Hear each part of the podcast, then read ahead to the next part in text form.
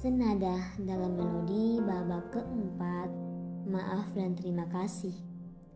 Mungkin bagi saya yang sangat sulit untuk menerka dan melanjutkan hidup yang sedang dilakoni, mengalami sebuah krisis kepercayaan hidup, beradaptasi dan melanjutkan hidup agar setara dengan yang lain.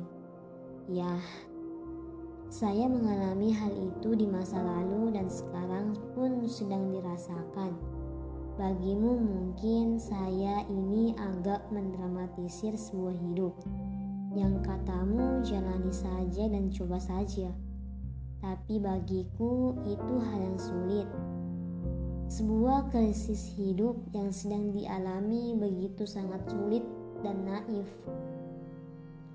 sungkan untuk bercerita dengan yang lain, dan takut menata hidup dengan bebas. Tapi melalui obrolan malam ini menjadi sebuah kegelisahan dan keresahan hati ini telah saya rangkum. Mengapa sih harus saya yang mengalami sebuah krisis tersebut? Ujarku tapi tetap saja kau abai. Bagi orang lain, ini sudah cukup. Cukup lewat tulisan saja saya bercerita meskipun bagimu sulit kepahami.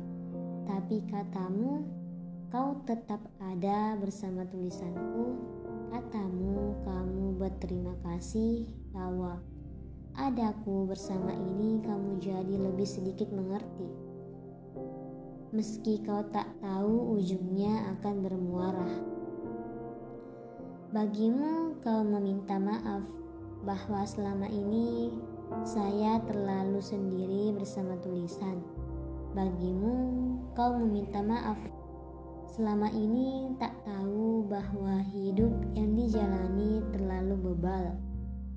Tapi selaku diriku, saya berterima kasih bahwa kau diam-diam menatapku dari jauh, mengawasiku dari tulisan yang kubuat meski tak serapi itu.